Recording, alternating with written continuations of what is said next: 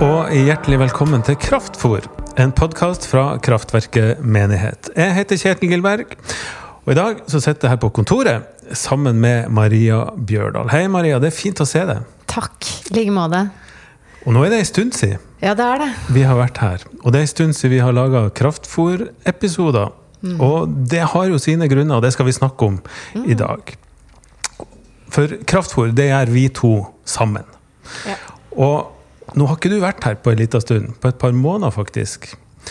Eh, så derfor har det ikke blitt noen episoder. Men det som har skjedd, da, det har vi lyst til å fortelle. Og i slutten av februar så satt vi akkurat her sånn som vi har nå, på hver vår pult. Og vi har hatt en lang arbeidsdag sammen, og helt på slutten så sa du Kjetil, jeg må si deg én ting. Jeg er gravid. Åh, Det sa du, husker du det? Ja, ja, ja. Jeg var så glad.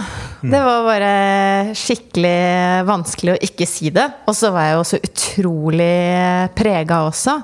Det var jo Ja, du var Jeg tror du var den første utenom familien som fikk vite det. Og eh, jeg hadde vært en uke i Nord-Norge. Og da, da var det liksom helt ferskt. Og jeg bare lå på sofaen og visste ikke hva jeg skulle gjøre av meg, for jeg var så trøtt og kvalm og slapp. Og orka ikke gjøre noe, så jeg måtte bare si noe til svigermor. Bare Du, sorry, jeg orker ingenting, jeg er gravid. What? Nei, så var, Hele familien fikk vite det veldig tidlig. Og barna var kjempeglade. Og nei, det, det var skikkelig stas. Stor glede. Det var stor glede på kontoret her òg, da. Full jubel. Men eh, var du klar? Du, du ja, Ja. dere har mange barn i heimen. Ja, vi har jo det. Vi har fire barn, og jeg var, jeg var jo så kvalm og så dårlig at jeg bare tenkte med en gang eh, Fem? Mon tro om det er seks? Altså, det er jo en del tvillinger i familien min. Altså fem unger, og så tenk om det er to, da. Tenk om jeg, tenk om jeg venter tvillinger. Så jeg fikk liksom sånn skikkelig ja, måtte ta inn over realiteten at her kan det bli mye unger. Men ja, jeg var veldig, veldig klar. Jeg tenkte det blir fint, Arne og jeg. En kid til. To. We fix. for åssen var formen din i den tida der? Perioden der? Jeg var trøtt. Og det er vanskelig å forklare det, um, det der med graviditetssymptomer, men du bare føler at det er noe annerledes med kroppen. Det murrer jo, liksom, i hele liksom, det derre magesystemet, da. Og eh, Nei, det er et eller annet som føles veldig annerledes. Trøtt og litt kvalm, men ikke sånn derre Det er folk som er mer kvalm enn meg, altså. Ja. Ikke verste kvalmen. Du sier at du tenkte at det kanskje kunne være to. Mm. Og så var det det. Ja, det var Inni det. der. Det var veldig spesielt. Eh, Det var eh, fortsatt ganske, ganske så tidlig. I eh, det hele så var jeg hos legen og fikk en ultralyd. Og først så sier han bare Ja, men her er det jo to. Og jeg så det egentlig også, og jeg bare Yeah! Så gøy! Og så gikk det ikke veldig mange sekunder før han sa at det ene her ser ut som ikke kommer til å klare seg. Og den andre er det hjertelyd på, og er riktig størrelse. Men eh, du må forberede deg på én, selv om det er to her, liksom. Og det var en veldig forvirrende eh, greie, da. På en måte så var det sånn kjempebekreftelse på at jeg hadde en følelse av at det var to. Og eh, kroppen min og intuisjon og alt det der stemmer. Altså, jeg forstår. Det var, det var veldig sånn eh, fint med det. Jeg følte jo egentlig veldig sterkt. Men samtidig som jeg fikk liksom bekrefta at det var to, så fikk jeg også vite at det sannsynligvis bare ble én, da. Og det var så skummelt, fordi det var liksom sånn Ja, nå blir det ny ultralyd om to uker. Og eh, det ser ut som eh, det er veldig bra med den ene her. Det er hjertelyd og alt mulig. Eh, så vi får se hva som skjer. Bare ta godt vare på deg selv, da. Det var rett før påske. Det var rett før påske. Ja. Åssen var det å ta inn over seg ak akkurat det? At du én skal leve, og én skal dø? Nei, det var kjempeforvirrende. fordi på den ene siden så var jeg så utrolig glad for at det var hjertelyd. Det er en veldig kompleks ting å ta inn. Og så hadde jeg ikke tenkt så mye over at det, ja, det er to, liksom. Jeg hadde ikke vent meg til sånn yes, det blir tvillinger. Men, men samtidig var det liksom kort nok til at jeg liksom så for meg litt det livet òg, da. Så det var det, Jeg ble veldig urolig. Samtidig som jeg var opprømt. Fordi jeg hadde sett hjertelyden på en, da. Uh, og jeg husker jeg faktisk prata med deg på telefonen i den perioden. Og uh, de andre i Eldsterådet her i Kraftverket fikk jo også vite om denne litt komplekse tingen. Da. Uh, for da ble jeg jo sykmeldt.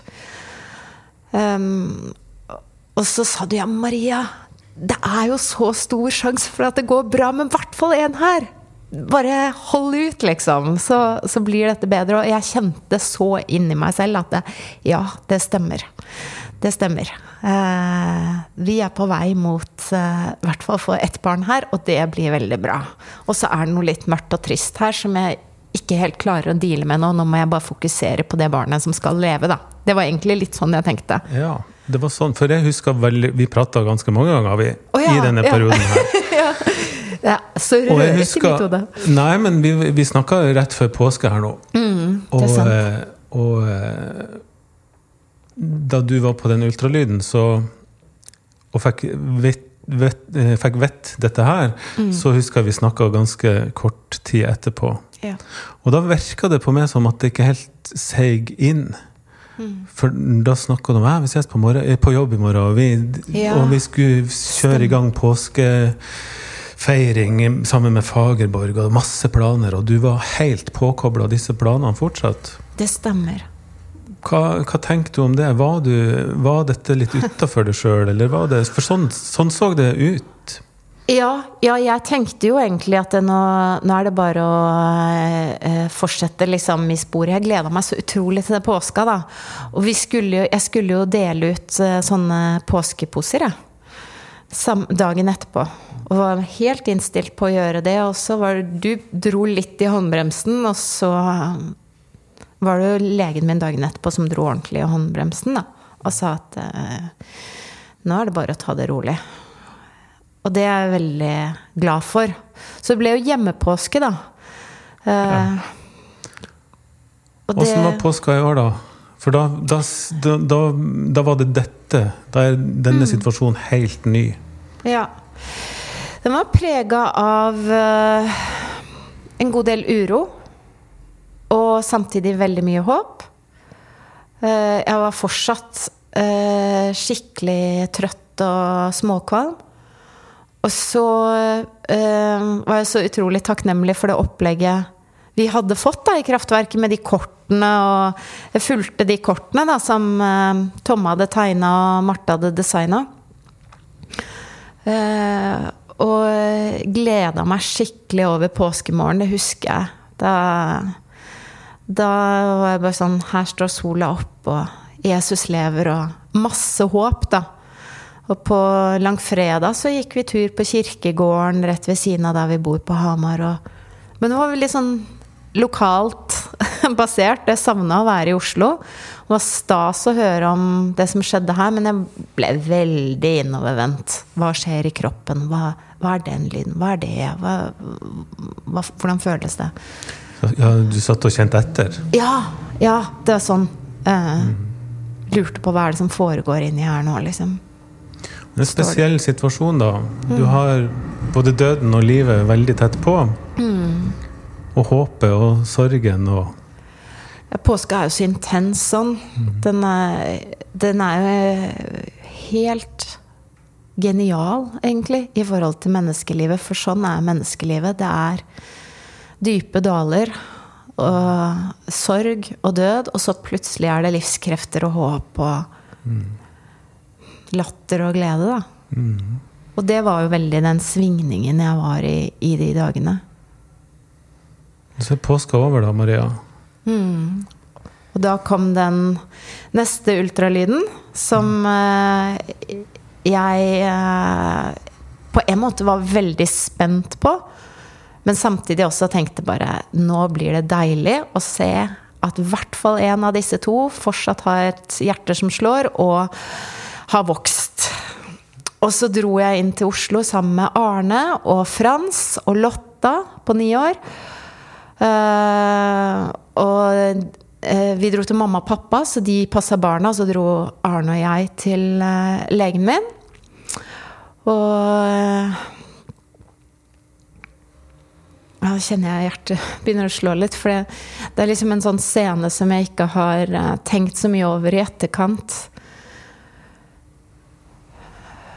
Men jeg ser jo veldig fort på legen min at det er noe gærent, da. Fordi han leter etter noe og bruker litt lengre tid enn det jeg er vant til. Dette har jeg gjort noen ganger før òg, når jeg har vært gravid. Og så sier han at uh, dette var leit. Her er det ikke hjerteslag i det hele tatt. Og det Det var jeg ikke forberedt på. Selv om jeg tror at jeg mentalt hadde tenkt på det og snakka om det som noe jeg var urolig for, så var jeg liksom jeg var så mentalt innstilt på at det ene barnet kom til å leve, og at det skulle ha vokst riktig størrelse etter de to ukene. Måler jo med sånn millimeterpresisjon. At hjertet skulle slå. Men det gjorde det ikke. Og da er det litt sånn som det er bare noen ganger i livet, at du, du vet ikke hva du skal gjøre, men så er det liksom andre som leder deg fra steg til steg, da. Arne hjalp meg opp av stolen og ned ved pulten der vi satte oss ned og snakka med legen, da, og han på en måte sa at ja, det er, det er ingenting. Det er ikke hjerteslag, det er dødt. Um, jeg må henvise deg til sykehuset i Hamar. Og det som har skjedd, er jo at det lille barnet, fosteret, hvis man er mest komfortabel med det, har dødd, men har ikke kommet ut. Som de ofte gjør med vanlig spontanabort. Uh, og det har jeg jo opplevd før. Før jeg fikk Frans, så hadde jeg faktisk to spontanaborter. Og da kom jo det ut umiddelbart. Men her hadde de ikke gjort det. og som han legen sa, så kunne det gått ukevis, det kunne gått faktisk måneder. At kroppen fortsatte på sånn 'jeg er gravid'-hormon, og jeg gikk rundt og følte meg veldig gravid. Og jeg kunne sikkert est ut og spist dobbelt så mye fordi jeg tenkte jeg trengte så mye. Og alt det der, da. Så du må rett og slett henvises til sykehuset for å ta en abort. Og det har jeg aldri opplevd før, for det er jo liksom naturen som har håndtert det før. Så å bli sendt inn til medisinsk abort, det var også veldig sånn skummelt og spennende Ja, skremmende. Ikke spennende, men skummelt og skremmende. Men også veldig trygt, da. At det var et helsevesen og system som skulle lede meg gjennom det her, for det Nei, det var helt Jeg har ikke ord, jeg. Da gikk du i kjelleren? Ja, det ble veldig mørkt og uklart, bortsett fra liksom de neste stegene, da. Og det neste steget var jo at vi måtte hjem til mamma og pappa og hente Frans på snart tre år og Lotta på ni år. Ja, fortell om det. Hva skjedde? Eh, Arne sendte melding til mamma og pappa slik at de skulle være forberedt. Og fortalte hva som var skjedd. Og så, når jeg kommer inn i gangen, så eh, møter mamma meg, og hun har jo bare lyst til å klemme lille jenta si. Og jeg bare klarer ikke å ta imot den trøsten og ømheten, da, fordi eh, nå er det to barn som skal ivaretas, og Frans, han, han visste ikke at jeg var gravid.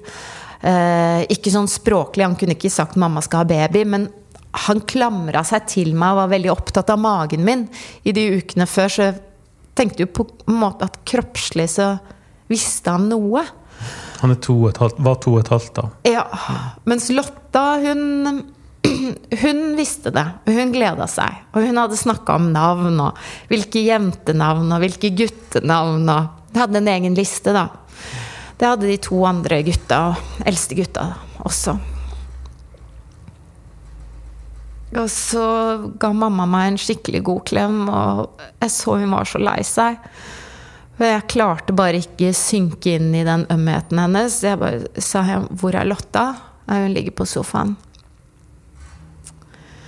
Det er litt uklart for meg nå om Lotta hadde blitt advart litt av mamma at det har ikke gått så bra hos legen, eller noe sånt, men det gikk i hvert fall veldig kort tid før hun skjønte at det var noe gærent.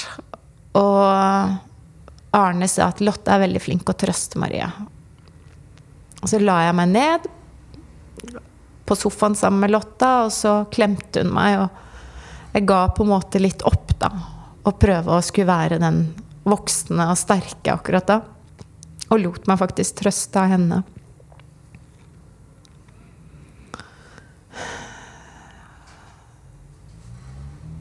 Så husker jeg ikke så veldig klart hva som skjedde etter det, men pappa kom hjem med Frans. De hadde vært på lekeplassen. Og Frans er jo bare hey, 'Mamma, hallo!' Det var liksom bare å komme seg hjem og rekke en sykehusavtale klokka to i Hamar. Da, på sykehuset der. For undersøkelse og ja, finne ut av veien videre, da. Det er grøtete vanskelig for meg å gjengi. Men det er liksom noen sånne bilder, øyeblikk, da, som jeg husker veldig klart. Det neste er når vi setter uh, av Frans i barnehagen i Hamar. Vi kjører inn, og han skal være der bare en time på slutten av dagen. Uh, og da har um, de to som tar imot oss i barnehagen, også fått vite det. Fordi det var på en måte grunnen til at vi kom så seint. Og trengte litt en forklaring på det, tror jeg. Husker ikke. De var jo helt fortvila og lei seg. og Så vi ha det til Frans, og så dro jeg på sykehuset alene. Det måtte jeg vel gjort uansett pga. covid. Men der satte jeg meg ned med en uh, nydelig dame som fortalte meg at uh, nå har du valget mellom å gjøre dette hjemme med medisiner vil ta en dag. Begynner med hormonpille i dag, som forteller kroppen din at den ikke er gravid lenger, så den stopper liksom den prosessen. Og så er nye tabletter om to dager, da, som uh, setter i gang livmorsammentrekningene, slik at det som ikke lever lenger i livmora, må ut. Og så eh, sa hun du kan gjøre det hjemme, eller du kan gjøre det på sykehuset. Og Jeg er utrolig takknemlig for at jeg valgte sykehuset.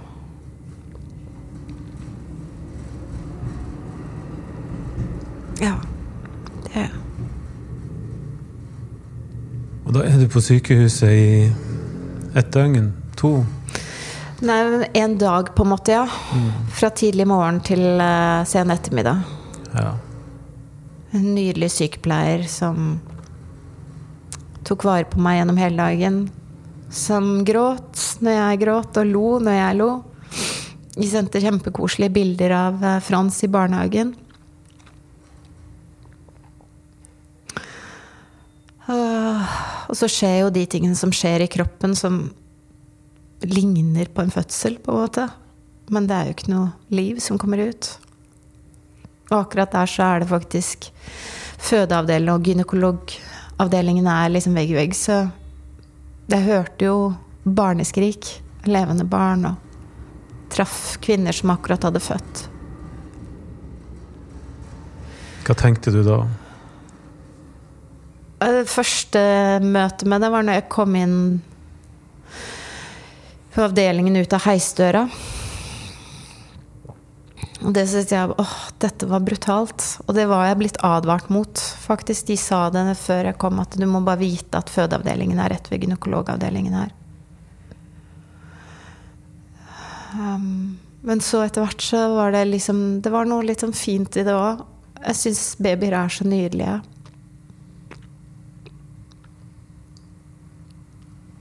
Jeg syns det var både fint og trist, ja. Og så henta Arne meg på slutten av dagen, og kjørte vi egentlig hjem igjen.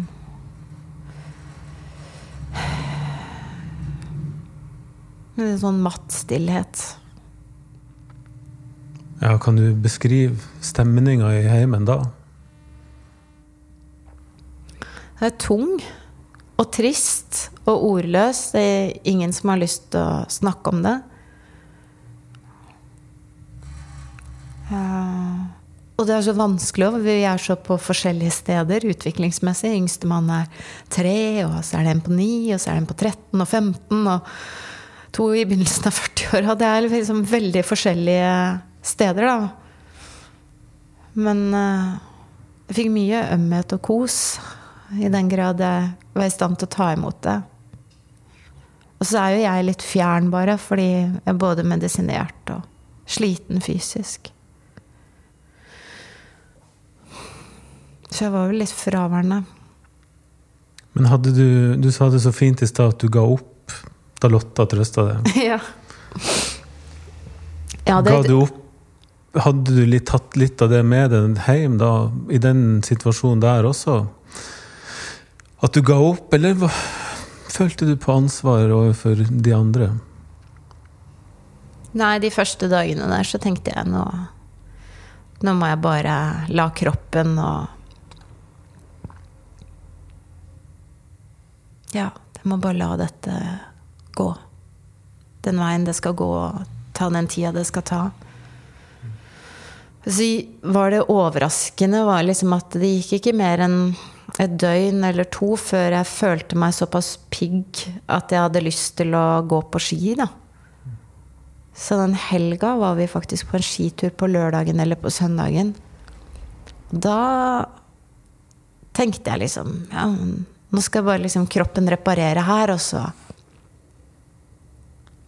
kommer jeg tilbake, vet du. Da blir jeg sterkere, og da finner jeg veien videre, og det er motgang. Det går oppover. Og var litt sånn, da. Og litt høy på meg selv også, som klarte å gå eh, Det var ikke så lang skitur, kanskje det var fire kilometer eller noe sånt, da. Men jeg følte meg veldig kul som var på skitur to-tre døgn etter eller noe sånt, da. Ble det sånn som du hadde tenkt? Nei. Det, det var en, en, slags liten peak der, da jeg klarte å gå på den skituren. Og så orka jeg ikke gå to-tre kilometer de neste dagene. Og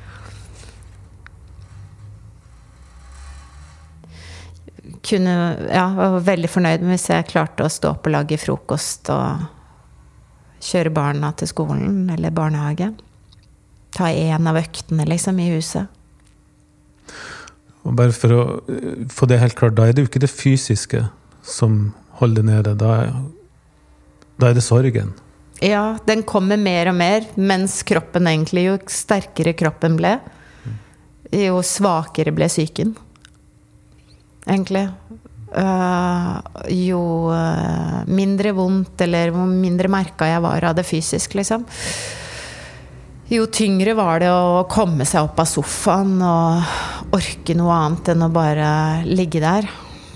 Så det var ofte noen krafttak for å stå opp om morgenen sammen med de andre. Og så bare falt jeg sammen når alle var på skole og barnehage. Da ble jeg liggende.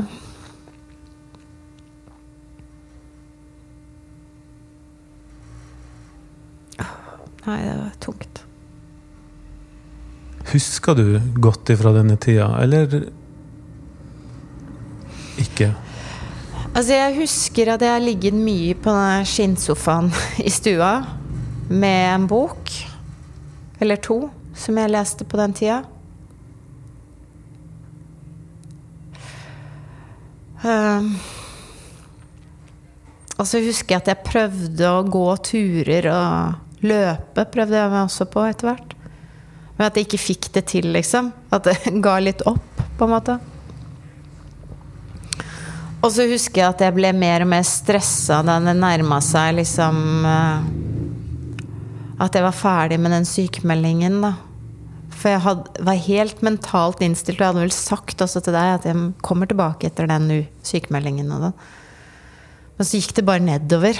Det ble mørkere og mørkere, og jeg sov mer på dagen. og En seig og tung materie, og det der med tristhet og sorg. For jeg, jeg klarte ikke å snakke om det. Jeg klarte ikke å snakke så veldig konkret heller om det som skjedde på sykehuset, den fysiske prosessen og opplevelsene med noen. Før jeg gikk til en prest i nærheten av meg og ba om forbønn og fortalte henne litt hva som hadde skjedd. Og hun spurte meg uh, om hvordan det var på sykehuset. Hun sa Du sa du har ikke fortalt noen helt hva som skjedde på sykehuset hvordan det var. Har du lyst til å fortelle? Og da fortalte jeg liksom nesten sånn minutt for minutt i to-tre runder um, til henne. Og det var veldig godt. Og samtidig lærte meg på en måte litt noe om akkurat det der med de mest smertefulle og utleverende tingene. Skal man ikke alltid si. Men det kan være veldig godt å finne ett rom der man sier akkurat de tingene. Og det, det var det ene rommet, da, der jeg egentlig fortalte om det. Ellers har jeg snakka veldig lite om det, og syns fortsatt det er så rart hvor tungt det er å snakke om det, da. Jeg kjenner jo det liksom sånn ja, ti minutter før vi starta denne sendinga her, så drev vi og tulla og snakka om podkaster og alt mulig, og musikk. Og hva slags musikk liker du, hva hører jeg på? Altså, en lett tone, ikke sant? Men så kommer det alvoret, og så bare vet jeg nå Nå skal vi snakke om dette her, og det, det er så tøft. Fordi det gjør at jeg må forholde meg til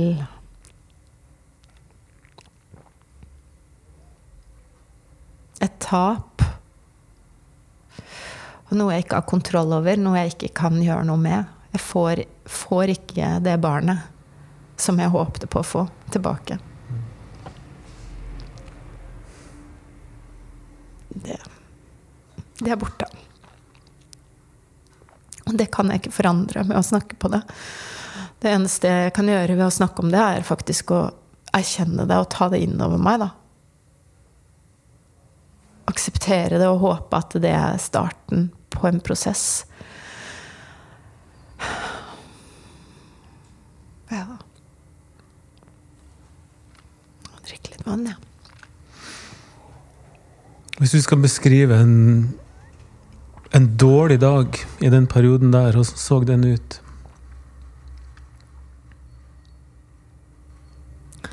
En dårlig dag vil gjerne en dag som starta med at jeg tenkte jeg skulle oppnå en del ting. Og så fikk jeg ikke til noe annet enn å sove. Og det er liksom kanskje litt dobbelt. Det ene er at det faktisk er en dårlig dag i seg selv, men det andre er at jeg har satt opp en forventning som jeg ikke klarer å leve opp til for meg selv.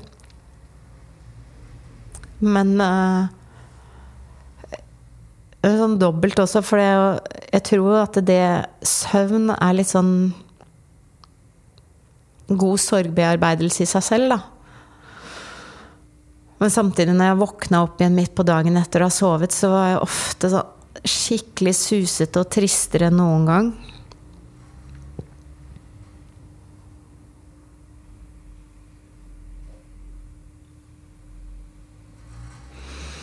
Nei, en dårlig dag kunne også være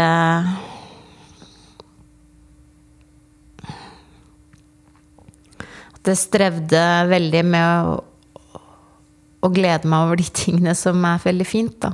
De barna vi har, og kjærligheten i hjemmet vårt, og Og kort lunt, og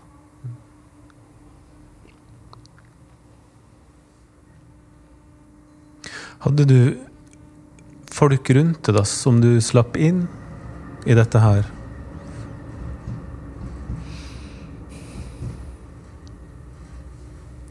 Jeg føler nok at det, det som er noe Det er så mange andre, da, eller altså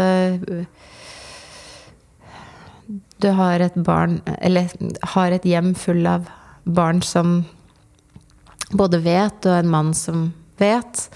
Så på en måte de sluppet litt sånn inn på det som er. Og eksponert for det som er. Men det å fortelle så mye om det har jeg egentlig strevd med å streve med fortsatt. Um, dette er på en måte en sorg som jeg i mye større grad enn ting jeg har opplevd før i livet, uh, er vanskelig å snakke om. Men uh, jeg har sluppet folk inn i den forstand at jeg har ikke skjult at det, dette er grunnen til at jeg er sykemeldt hvis Hvis det har vært nødvendig å fortelle det, da. At jeg, jeg har fortalt veldig mange, mange av mine nærmeste som visste at jeg var gravid. Så på den måten så har jeg sluppet folk inn. Og jeg føler også at jeg har sluppet folk inn i den forstand at hver gang det har kommet en melding fra noen som ikke vet hvordan de skal trøste meg, men bare ønsker meg alt godt, så har jeg liksom sugd litt på den karamellen. Da. Liksom, liksom virkelig sånn åh, dette er en person som er glad i meg. Dette er noen som vil meg vel. Her er det Her er det noe vakkert, på en måte. Noen er triste sammen med meg. Det, det syns jeg har vært veldig fint. Ja, det det er veldig fint at noen er triste sammen med meg. over dette. Og ikke være alene i den tristheten, kanskje.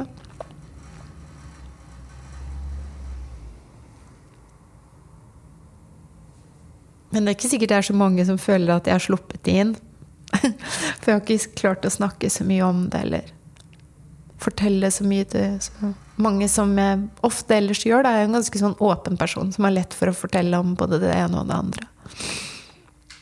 Men jeg har tatt til meg all godhet.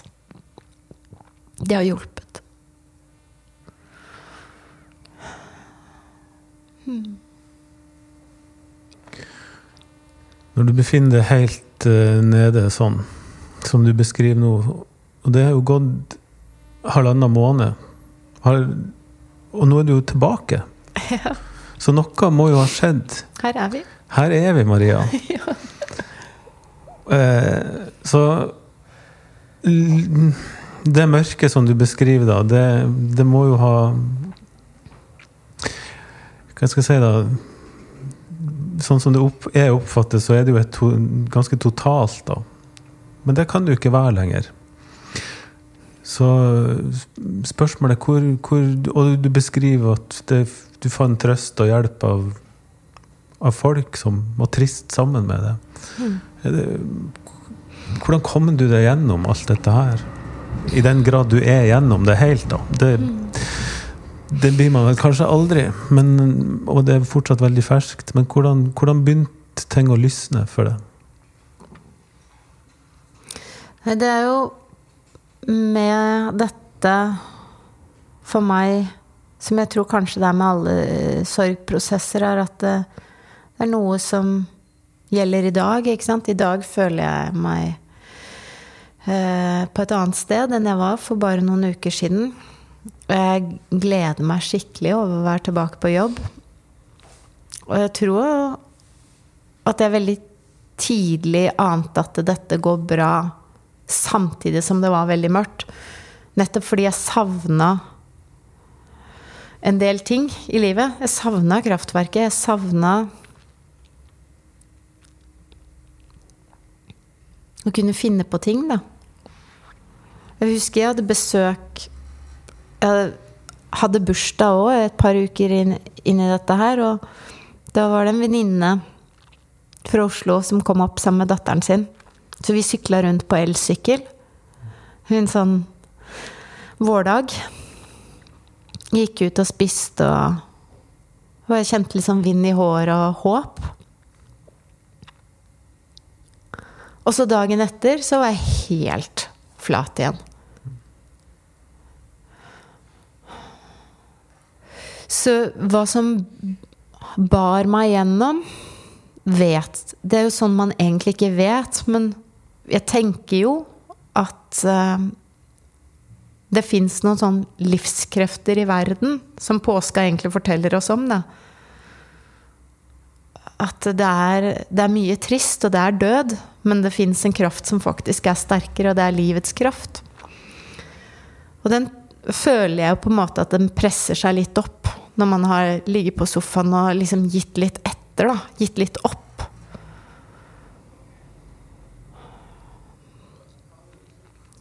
Så det føler jeg kanskje er en ting som har båret meg gjennom. Og, og så er det jo å ha det fint hjemme. Støtte og klem og oppmuntring fra Arne.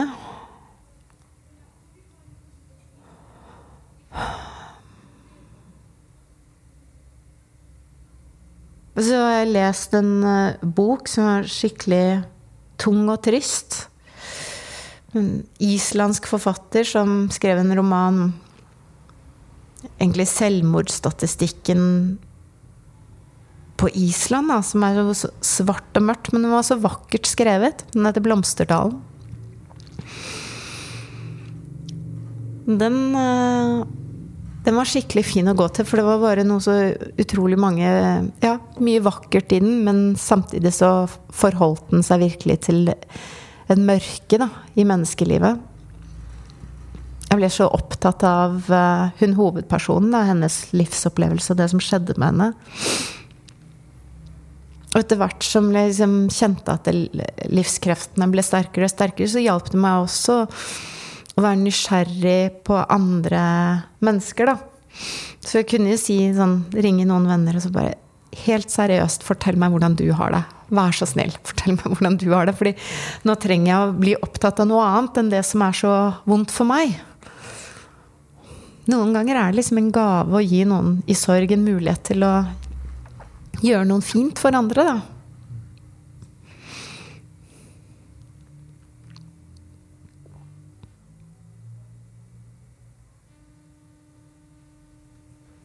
Hva tror du Hva har dette gjort med deg? Det vet vi ikke ennå. Men jeg, jeg vet at det vil prege meg. Som jeg nevnte tidligere, så hadde jeg jo faktisk to spontane aborter før jeg fikk Frans. Og de skjedde så uh, Hva skal jeg si På så kort tid, da. Før jeg ble gravid med Frans og han kom, at uh, jeg fikk på en måte aldri bearbeida de, og var litt sånn som du beskrev meg i tidligere også. At jeg var litt sånn Nei, men nå kommer jeg tilbake sånn Jeg tror jeg var sykemeldt to dager, jeg. Tre dager i de forrige gangene. Så det er på en måte sorger som aldri helt har vært bearbeida. Og det som er situasjonen nå, er jo at det på en måte vet ikke helt hva framtida byr på. Men vet at uh, det livet jeg hadde før jeg ble gravid, det var også veldig godt. Uh, ja. Masse fine relasjoner. Barn. Mann jobb Altså mye å glede seg over da, i det livet som var.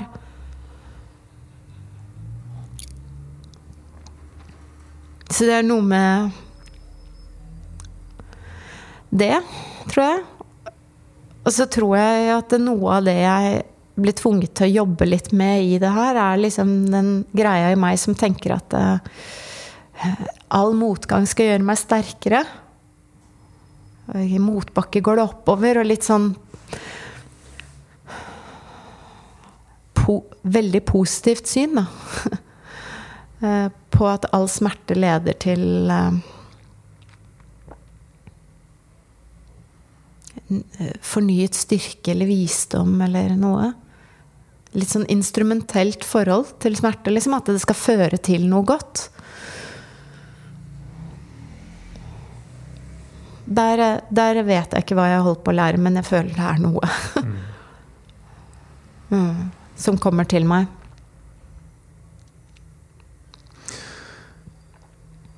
Er du optimist? På alt som skal komme? Kan nå det, kan det? Ikke optimist på alt som skal komme. Jeg er helt sikker på at det kommer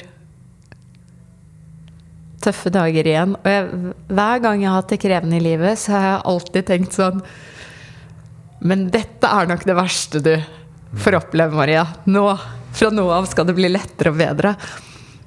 Og så det, det jeg er optimist på, er at de der livskreftene vil presse seg fram. Eh, sommeren, den varmeste dagen på lenge. Eh, bli glad optimist av gjenåpningen. Nei, det er, det er mye som gjør at jeg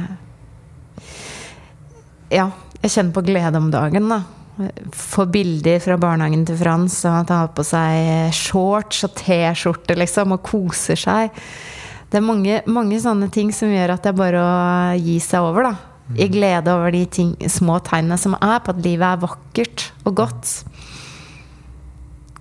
Uh, og jeg er optimist i den forstand at jeg vet at det kan skje nye fæle ting i livet. Uh, Og det kommer til å gå bra, det òg, på et vis. Mm. Det er utrolig heftig å høre på når du forteller, Maria. Eh, og hvorfor vil du fortelle? Dette er jo ja. gjerne ting folk holder skjult. Mm. Bærer på helt alene. Og nå forteller du det sånn at alle som vil, kan høre. Mm. Hva, er, hva er motivasjonen din for det? Jeg tenkte allerede for uh, fire år siden, da, da jeg opplevde de første spontanabortene, at uh, dette skulle jeg gjerne hørt mer om. For det som ble klart, var jo at uh, det var veldig vanlig. Det kunne jeg bare sette meg inn i sånn statistikk på. Men så ble det jo klart sånn anekdotemessig også. Så mange som fortalte det. Så det er som du sier, det er veldig godt skjult. Fordi vi snakker ikke så veldig mye om det å miste barn som ikke er født ennå. Enten det er uke ni, eller det er uke 40, ikke sant. Noen som går helt fram til termindato, og så dør barnet dagen før det. Alle de forskjellige historiene har jeg vært borti, og, og de har alt etter de forskjellige Ja, det er så mange forskjellige varianter av det. Og um, jeg har, jeg har lenge tenkt at det, det er viktig å fortelle om. Så jeg gjør det nok litt fordi jeg kjenner at det er viktig og riktig, men det er også godt. Det er godt å snakke med deg. Jeg merker at det er sunt for meg å tvinge meg selv til å forholde meg til historien.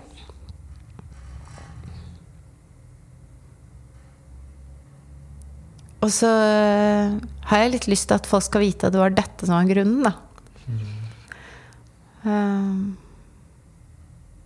Det er ikke noe annet ullent, noe vi ikke kan få tak på. Men jeg har slitt med depresjon før i livet, som er mye skumlere når man ikke har noe sånn det å sette det på, liksom, syns jeg. Sånn, noe sånn konkret fysisk. Jeg syns i hvert fall det den gang. Men jeg syns det er fint å si at det er dette som er grunnen. Gir det mening? Det gir mening. Og jeg tror at like viktig som det er for deg å fortelle, så er det viktig å få høre det. Mm. Det er mange som har opplevd dette, som Mm. Og ja, normali ikke normalisere det, men at dette ikke skal være noe tabu. Mm. Det syns jeg er fantastisk eh, flott at du bidrar til. Og jeg tror veldig mange som hører på dette her, ja, dere er jo nødt å bli berørt og rørt av historien, og gi, gi den betydning. Og så får vi avslutte eh, med å si, da, Maria, at eh, sjøl om dette har vært mørkt, og kanskje kommer til å fortsette å være mørkt, så er det masse lys der. Ja. Og du er tilbake, og du er oppe og står. Mm. Og det er fantastisk å ha det tilbake her. ja. Rett og slett. Det er litt kjedelig når du ikke er her. og så er det fantastisk eh, å ha det i Ja. Jeg syns du er modig, og jeg har lyst til å takke deg for at du ville dele dette her. Og så skal vi rett og slett avslutte der. Ja. Si at eh, det kommer til å forhåpentligvis bli masse bra framover. Og så Ja. ønsker vi hjertelig velkommen tilbake til ny episode av Kraftfôr om ikke så innmari lenge. Takk for i dag. Takk for praten, Kjetil. Jeg liker sånn.